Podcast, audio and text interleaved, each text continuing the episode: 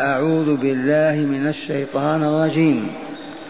ليسوا سواء من أهل الكتاب أمة قائمة يتلون آيات الله يتلون آيات الله آناء الليل وهم يسجدون يؤمنون بالله واليوم الآخر. ويأمرون بالمعروف وينهون عن المنكر ويسارعون في الخيرات وأولئك من الصالحين. وما يفعلوا من خير فلن يكفروه.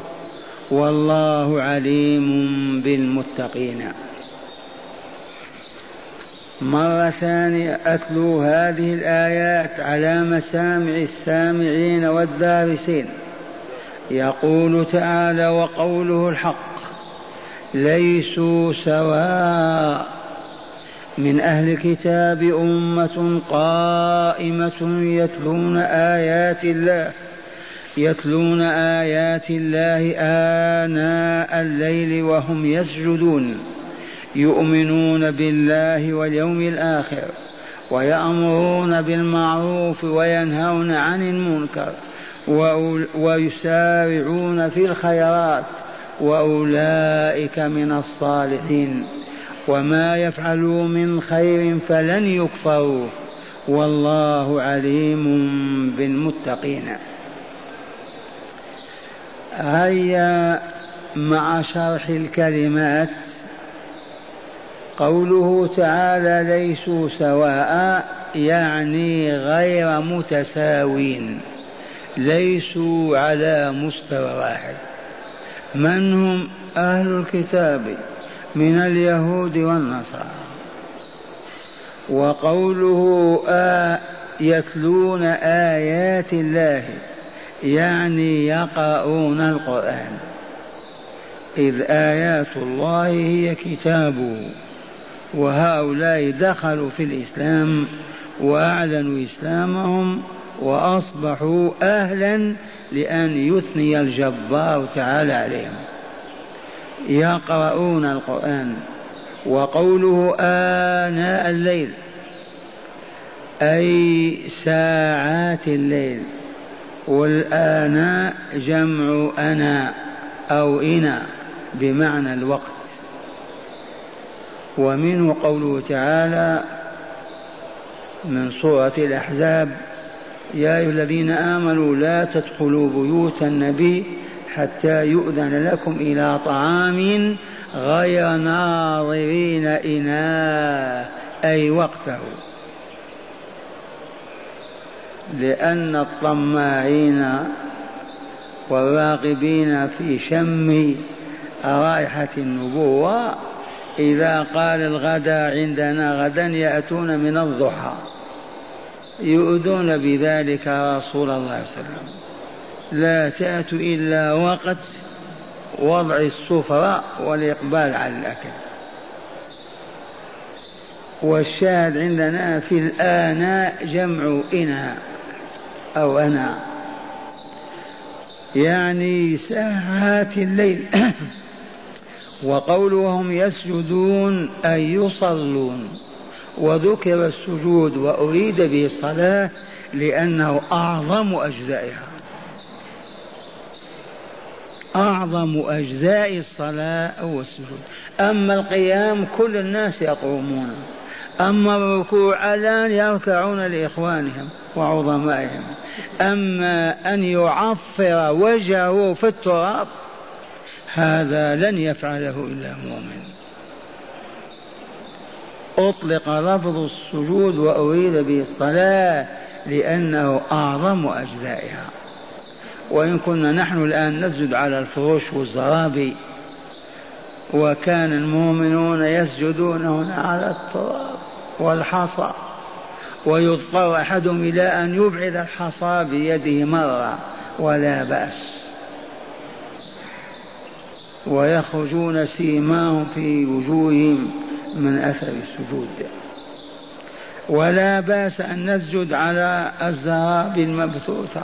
فقط يجب أن نحمد الله وأن نشكره على ذلك. قال وقوله يسارعون في الخيرات يبتدرونها خشية الفوات. إذا دعا داعي الخير أسرعوا نادى منادي أن الجهاد بادروا نادى منادي أن الصدقات بادروا نادى منادي أن كذا. المهم يبتدرون لقوة إيمانهم. يسارعون في الخيرات وقوله فلن يكفروا أي فلن يجحدوا. ما يجحدون ذلك الخير الذي يسارعون إليه بل يثابون عليه ويجزون به بل يعترف لهم به ويجزون به وافيا. لأن الله شكور حليم. والشكور ما يكفر حقوق الناس ولا أعمالهم الصالحة. بل يذكرها ويسجلها ويثيبهم عليها. هيا أقرأ عليكم الآيات. هل تذكرون هذه المعاني؟ ليسوا سواء. من أهل الكتاب أمة قائمة يتلون آيات الله آناء الليل وهم يسجدون. يؤمنون بالله واليوم الآخر ويأمرون بالمعروف وينهون عن المنكر ويسارعون في الخيرات وأولئك من الصالحين. وما يفعلوا من خير فلن يكفروا. والله عليم بالمتقين. وما دام عليما بهم فسوف يجزيهم. قال المؤلف غفر الله له ولكم ورحمه وإياكم وسائر المؤمنين معنى الآيات. قال بعد أن ذكر تعالى حال أهل الكتاب وأنهم فريقان مؤمن صالح وكافر فاسد في الآيات السابقة. تذكرون هذا؟ ذكر ذكر هنا في هذه الآيات الثلاث أن أهل الكتاب ليسوا سواء غير متساوين أي غير متساوين في الحال والمآل أيضا. وأثنى على أهل الصلاح منهم فقال جل ذكره ليسوا سواء من أهل الكتاب أمة قائمة أي على الإيمان الحق والدين الصحيح. من أقام العود إذا قومه ما مالوا ولا انحرفوا في عقائدهم وفي عباداتهم. قائمين على الحق والدين الصحيح وهم الذين أسلموا. قلوبهم ووجوههم لله رب العالمين.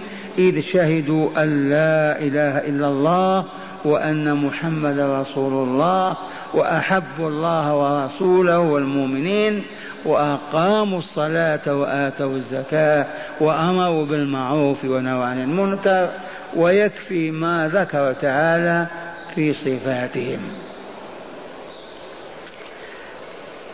أي قال وهم الذين أسلموا أي دخلوا في الإسلام يتلون آيات الله أي يقرؤونها في صلاتهم. آناء الليل أي ساعات الليل وذلك في صلاة العشاء وقيام الليل وهم يسجدون. وأهل الكتاب ما كانوا يصلون صلاة العشاء قط. ما كانوا يتهجدون ولا يعبدون الله بالليل. ويشهد لهذا أن الرسول صلى الله عليه وسلم تأخر يوما عن صلاة العشاء وتململ الناس فخرج إليهم وأعلمهم أنهم يصلون صلاة لا يصليها غيرهم في العالم وهي صلاة العشاء. وفيها من الوعد ما تعلمون. من صلى البردين دخل الجنة. ما البردان؟ صلاة العصر وصلاة الصبح. من صلى البردين صلاة حقيقية في وقتها بأركانها بخشوعها واظب عليه حتى مات قطعا دخل الجنة. وقال من صلى العشاء فكأنما قام نصف الليل. الذي يصلي العشاء في وقتها في جماعة المسلمين يصليها صلاة تقبل كأنما قام نصف الليل. ومن صلى الصبح في جماعة فكأنما قام الليل كله. لما لأن العشاء وقت يمكن كل مؤمن أن يصلي العشاء. ما زال وقت النوم ما دخل ولم فتح بابه ولكن الصبح إذا نام على فراشه من يوقظه؟ فلا يوقظه إلا إيمان ورجاء في الله ورغبة في الملكوت الأعلى. وأسفاه وحسرتاه ماذا أصاب المسلمين؟ من هم الذين يشهدون صلاة الصبح؟ ولا نسبة خمسين في المئة بل ولا خمسة وثمانين. من يصليها؟ والعلة معروفة. فتح عليهم اليهود باب اللهو والباطل.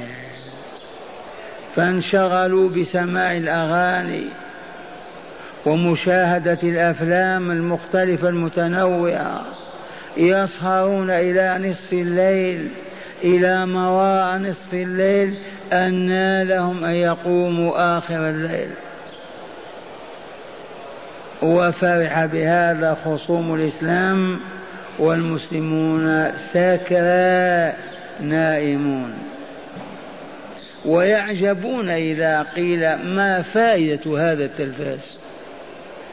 ما فائدة هذا الفيديو في بيتك. ما فائدة هذا الدش أو الصحن الهوائي. أسألك بالله علمنا. يسكت. قول إيش فيه. كم قررنا والله شاهد. اسألوا صاحب هذا الدش. اسألوا بالله هل يكتسب ريال واحد في الليلة منه؟ يعطون أموال سرية من أجل إقامتها؟ الجواب والله لا. هل يستفيد منه رقة قلبه وازدياد إيمانه وقوة بصيرته؟ والله ما هو إلا العكس. هل يستفيد منه طاقة بدنية؟ يقوى بدنه على العمل غدا في مزرعته أو دكانه أو في مصنعه والله ما يزيده إلا انهزاما وضعفا. هل يزيده حبا في الله ورغبة في الملكوت الأعلى وشوقا إلى مواكب النبيين والصديقين؟ والله ما يفعل هذا ولا يبعث عليه أبدا. فما هي النتيجة؟ النتيجة أن يغضب الملائكة ويخرجون من البيت ويتركون البيت للشياطين. فإذا استولت الشياطين على البيت كيف يفعلون بقلوب أهلها؟ يقسونها وإلا لا؟ يصرفون عن الله وذكره وإلا لا؟ هذا الكلام مكرر ومعاد. لم ما يبلغهم آه. أيام كنا مسلمين إذا حدث حادث قبل أن نقدم عليه ناتي أهل العلم ونسأل. هل هذا يجوز لنا نحن المسلمين أن نقوله أو نفعله؟ فإن قال أهل العلم هذا حرام. تركناه وأعرضنا عنه ونصحنا كل مؤمن مؤمنا حتى لا يفعله الآن كأن مستوانا العلمي ارتفع وأصبح الناس كلهم علماء. ما هم في حاجة إلى أن يسألوا. آه.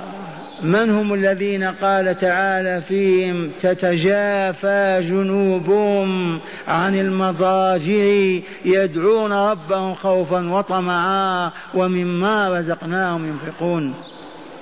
من هؤلاء؟ بنو الأصفر أحباش أشراب بنو تميم من هم هؤلاء؟ تتجافى جنوبهم تتباعد أكتافهم عن المضاجع يقومون الليل. الذي يقوم الليل يسهر مع زوجته وأولاده أمام عاهرة تغني وترقص. والله ما كان ولن يكون. إذ قال تعالى هؤلاء يهود وإلا لا؟ وأين وضعهم الله؟ لم لأنهم أسلموا قلوبهم ووجوههم لله وأقبلوا على الله. أقاموا دين الله بحق واستقاموا عليه. أمروا بالمعروف ونهوا عن المنكر. أقاموا الصلاة وسارعوا في الخيرات. لا فرق. قلت غير ما مر. اسمعوا. البشرية كلها عبيد الله. لا فرق عند الله بين أبيض وأسود. ولا عربي ولا عجمي كلهم عبيد. إذا فمن آمن واستقام رفعه ومن كفر واعوج وانحط وهبط إلى الأرض وضعه في الأسفل.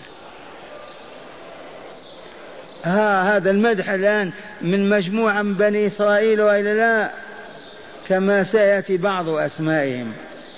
قال يتلون آيات الله يقرؤونها في صلاتهم آناء الليل أي ساعات الليل في صلاة العشاء وفي قيام الليل وهم يسجدون وهذا ثناء عليهم بالسجود إذ هو أعظم مظاهر الخضوع لله تعالى كما أثنى تعالى عليهم بالإيمان الصادق. والأمر بالمعروف وهو الدعوة إلى عبادة الله بعد الإيمان به والإسلام الظاهر والباطن له وينهون عن المنكر وهو الشرك بعبادة الله تعالى والكفر به وبرسوله صلى الله عليه وسلم. فقال عز وجل يأمرون بالمعروف وينهون عن المنكر ويسارعون في الخيرات. أي يبادرون إليها قبل فواتها والخيرات هي كل قول كل عمل صالح من سائر القربات. وشهد تعالى لهم بالصلاح فقال وأولئك من الصالحين. سبق بالأمس أن قلنا هم عبد الله بن سلام وأخوه وفلان وامرأته مجموعة من بني إسرائيل في المدينة النبوية.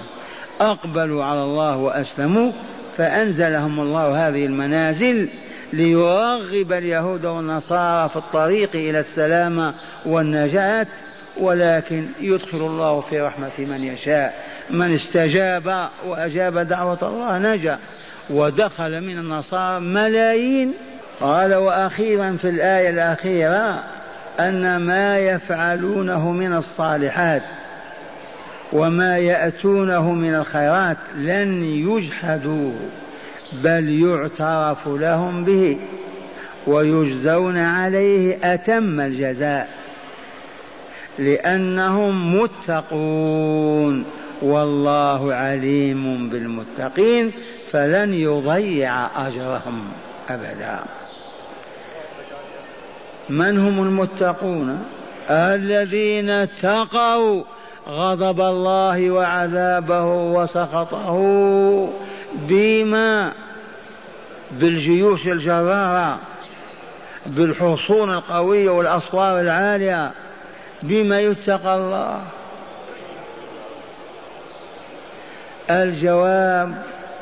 يتقى الله بالخوف منه الحامل. للعبد على أن يطيعه ولا يعصيه. يتقى الله بطاعته وطاعة رسوله. من أطاع الله وأطاع رسوله جعل بينه وبين العذاب وقاية من أعظم الوقايات. وليست وقاية فقط وبعد الوقاية فاز وظفر بالمقام السامي والدرجات العالية والجوار الكريم في الملكوت الأعلى. تقوى الله عز وجل تتكرر في القرآن وأهل الإسلام عنها غافلون سلهم بما يتقى الله لا يجيبك. يتقى الله بالإيمان به وبطاعته وطاعة رسوله. وسر هذه التقوى أهل الحلق على علم نساء ورجالا والمحرومون منها ما يعرفون. ما سر تقوى الله؟ إنها تزكي النفس البشرية تطيبها تطهرها والله طيب لا يقبل إلا طيبا. فإذا زكت النفس أي طابت وطهرت وأصبحت كأنفس الملائكة وأرواحهم يقبلها الله في الملكوت العلي فينزلها في الفراديس العلى وإن كانت الأنفس خبيثة منتنة متعفنة كأنفس الشياطين وأرواح الكافرين مستحيل في قضاء الله وحكمه أن يقبلها في جواره.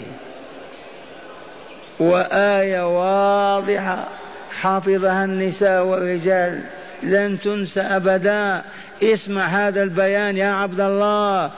يقول تعالى من سورة الأعراف المكية إن الذين استكبروا إن الذين كذبوا بآياتنا واستكبروا عنها لا تفتح لهم أبواب السماء ولا يدخلون الجنة حتى يلج الجمل في سم الخياط.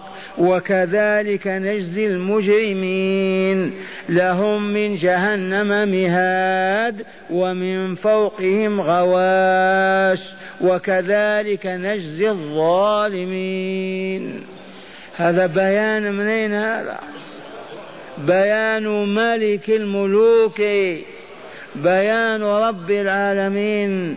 بيان خالق الجنة والنار وخالق الإنس والجن وسائر المخلوقات. بيان رافع السماوات. من يرد على الله؟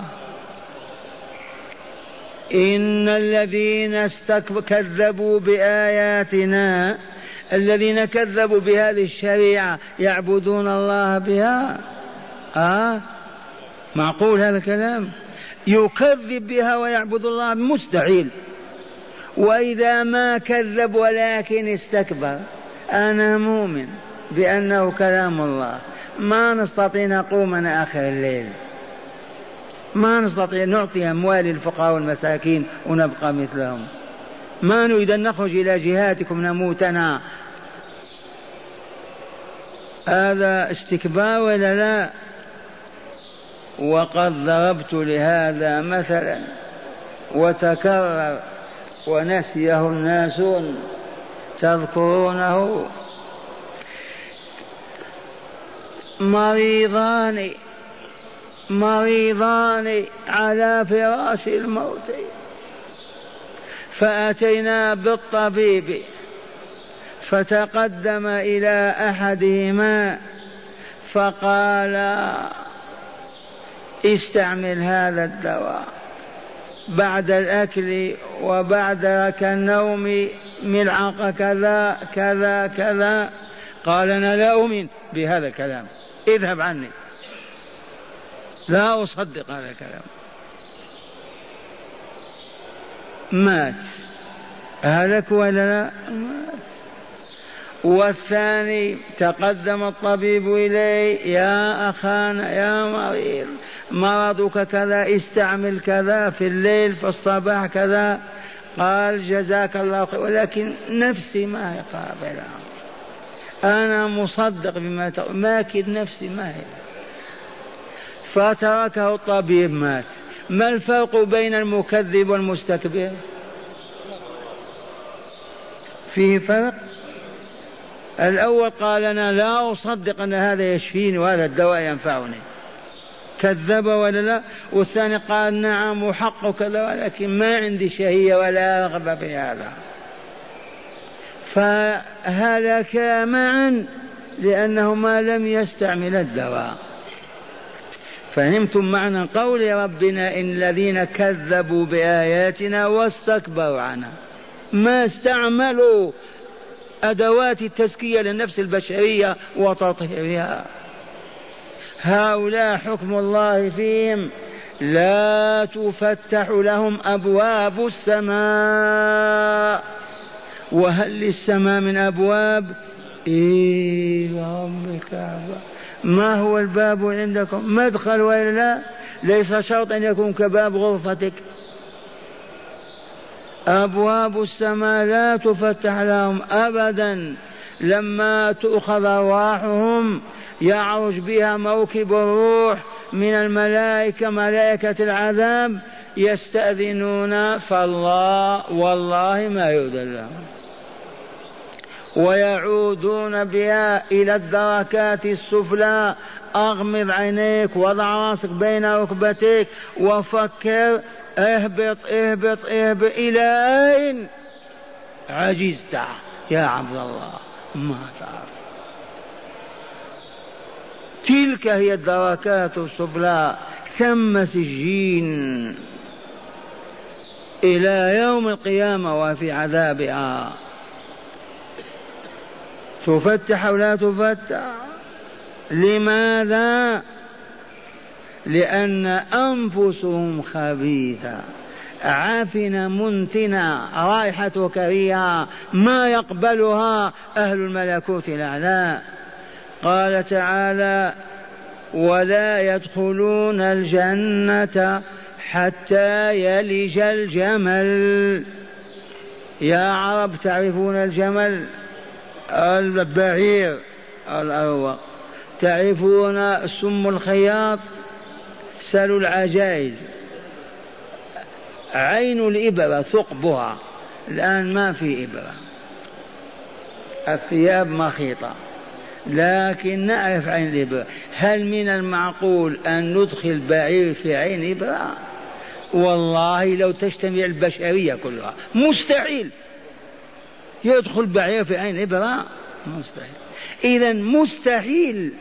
في حق ذي النفس الخبيثة أن يدخل دار السلام. فهذا حكم الله.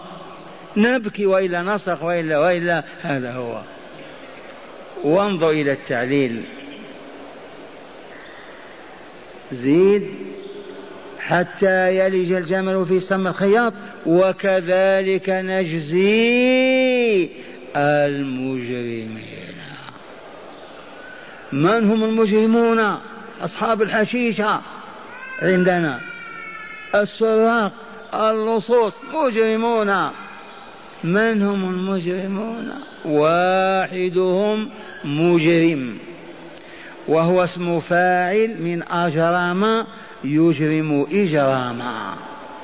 المجرم المفسد كل مفسد مجرم.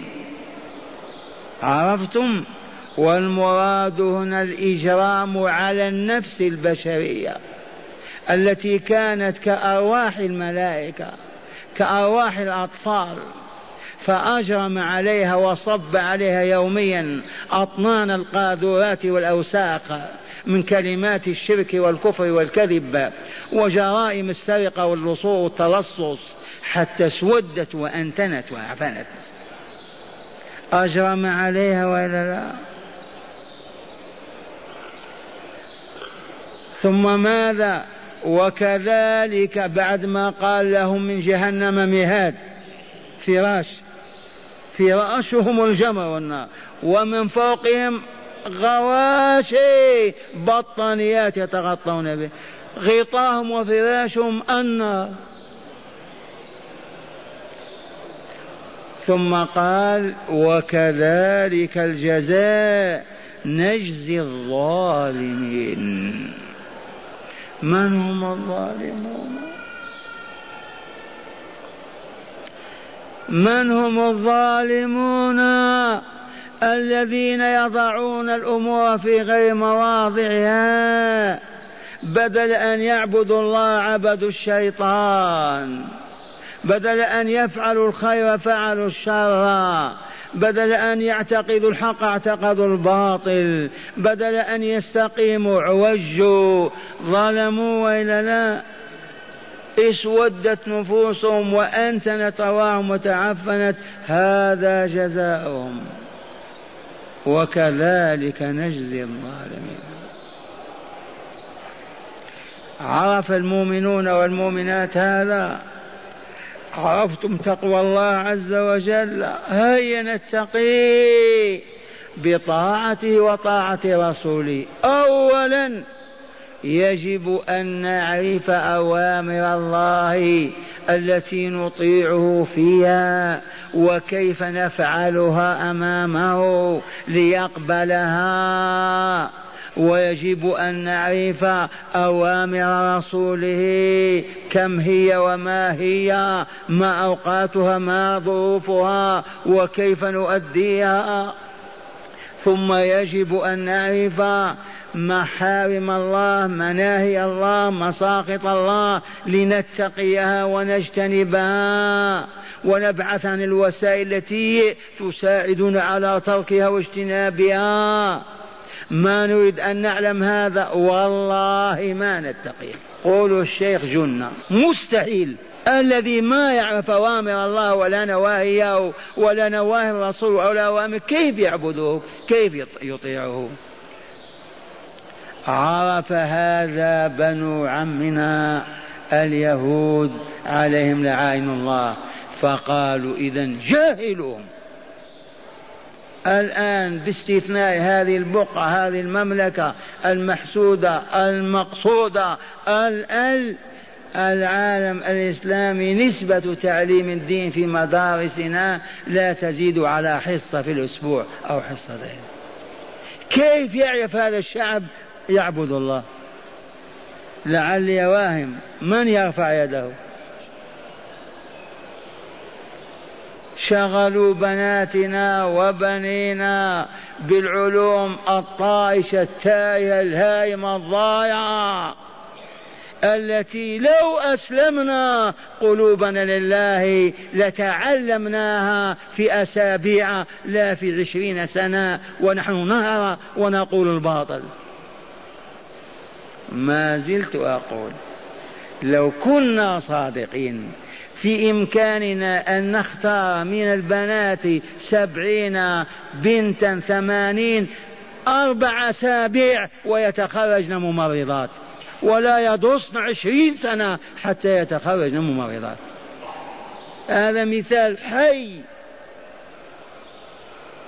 لكن كي ما نعرف الله ولا نعرف كيف نطيعه وضعوا المناهج والبرامج التعليمية فأصبح المسلمون يتخرجون بشهادات وسلهم عن الله ما يعرفونه.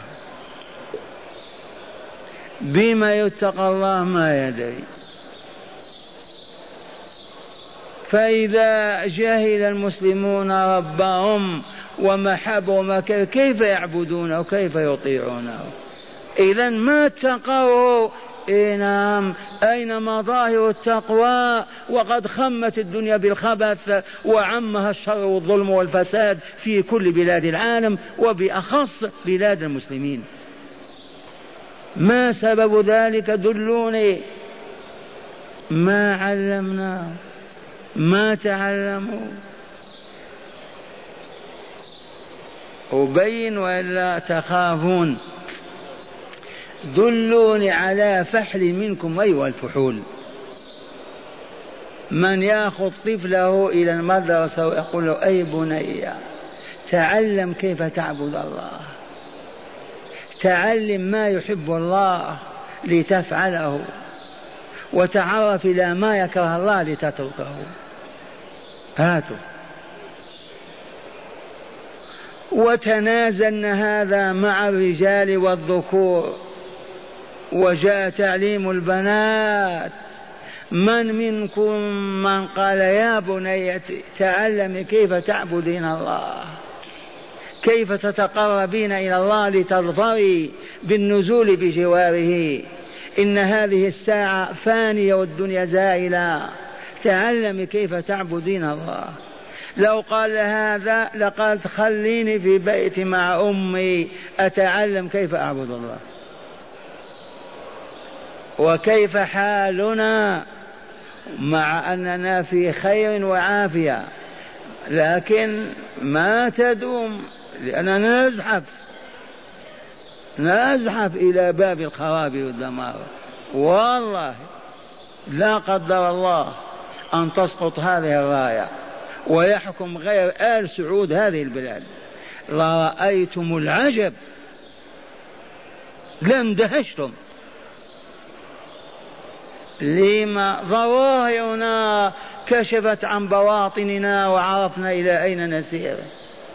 ما نحن مقبلين على الله. هذا واقعنا. فلطف الله وإحسانه باق معنا. ونحن نسأل الله عز وجل أن يكثر الصالحين والصالحات في هذه البلاد. لأن زوال النعمة إذا كثر الخبث والعدو والله يعرف هذا قبلنا. هم يرصدوننا كم عدد المصلين كم عدد تارك الصلاة كم عدد المتحجبات كم عدد الكاشفات كم عدد القمارين والسحرة. على بصيرة ينظرون لعلمهم بما عندنا ونحن ما نعرفه. خرج رسول الله في أمسية وهو يضرب كفيه متحسرا ويقول ويل للعرب من شر قد اقترب في تألم وتحصر. فتقول إحدى نسائه أنهلك وفينا الصالحون يا رسول الله؟ قال نعم إذا كثر الخبث. هل عرفنا نحن هذا؟ لو عرفنا ما سمحنا للخبث أن يظهر بيننا لا في قرانا ولا مدننا ولا بيننا. والعدو عرف هذا وينشر الخبث بالحيل بالمجلات بالجرائد بالإذاعة بالسحر بكل الوسائل بتلاميذه بخريجي كلياته حتى يكثر الخبث. إذا كثر الخبث هبطنا. كما هبط كل العالم الإسلامي. ومرة أخيرة أسمعكم الآيات لنقف على نتائجها. أعوذ بالله من الشيطان الرجيم. ليسوا سواء من أهل الكتاب أمة قائمة يتلون آيات الله آناء الليل وهم يسجدون يؤمنون بالله واليوم الآخر ويأمرون بالمعروف وينهون عن المنكر ويسارعون في الخيرات وأولئك من الصالحين وما يفعلوا من خير فلن يكفروا والله عليم بالمتقين. أما أهل الكتاب أهل الشرك فلا تسأل. لا تسأل عمن دخلوا في رحمة الله. اذكر الصديق والفاروق واذكر أصحاب رسول الله واذكر ملايين الربانيين الصالحين من العرب والعجم. أصبحوا أولياء الله أهل تقواه والشاهد عندنا من هداية هذه الآيات أولا فضل الثبات على الحق والقيام على الطاعات. دلت هذه الآيات على فضيلة الثبات على الحق والقيام على الطاعات وعدم التحول أو النزول عنها. ثانيا فضل تلاوة القرآن الكريم في صلاة الليل. والحمد لله نصلي العشاء ونقوم آخر الليل. يا شيخ ما نستطيع. كان آباؤكم وأجدادكم يقومون الليل. ويطول عليهم ينامون ويقومون يصلون وينامون لأن الليل عندهم من صلاة العشاء بتعاليم رسول الله. نهى رسول الله صلى الله عليه وسلم نهى المؤمنين والمؤمنات عن النوم قبل صلاة العشاء فيكره لأي مؤمن أن ينام قبل صلاة العشاء. لأنه إذا نام قد لا يستيقظ. ونهى عن الحديث بعدها ممنوع عندنا الحديث بعد صلاة العشاء يا شيخ دكاكيننا وأعمالنا وكلها في الليل ماذا أصابنا؟ إن مسخنا هبطنا ماذا أصابنا؟ عندما نقول هيا نتوب إلى الله ونجمع نساءنا وأطفالنا في بيت ربنا من المغرب العشاء فإذا صلينا العشاء ذهبنا إلى بيوتنا ونفوسنا مشرقة وآمالنا سامية ونحن مع الله. قالوا كيف؟ كيف ننام بعد صلاة العشاء؟ إذا وكيف تطلعون إلى السماء؟ هذه ما تقول. كيف تصبحون أولياء الله؟ لا ما نسأل عن هذا. أما كيف نعيش على هذه الوضعية؟ نعجب. نحن أمة ممتازة ولا لا؟ ثالثا فضل الإيمان والدعوة إلى الإسلام في الشرق والغرب. رابعا فضل المسابقة في الخيرات والمبادرة إلى الصالحات. خامسا فضيلة الكتاب إذا أسلم وحسن إسلامه. وفي الصحيحين يقول الرسول صلى الله عليه وسلم ثلاثة يؤتون أجرهم مرتين. منهم رجل من أهل الكتاب آمن بنبيه وأدرك النبي محمدا فآمن به واتبعه. صلى الله عليه وسلم. له أجران. ورجل آخر عبد مملوك لزيد أو عمر ويؤدي واجبه مع سيده ويعبد ربه بكامل العبادة. له أجران. رجل آخر عنده آمة فأدبها ورباها وحسنها وأطعمها وغذاها ثم عتقها وتزوجها. فله أجران. ثلاثة يؤتون أجرهم مرتين.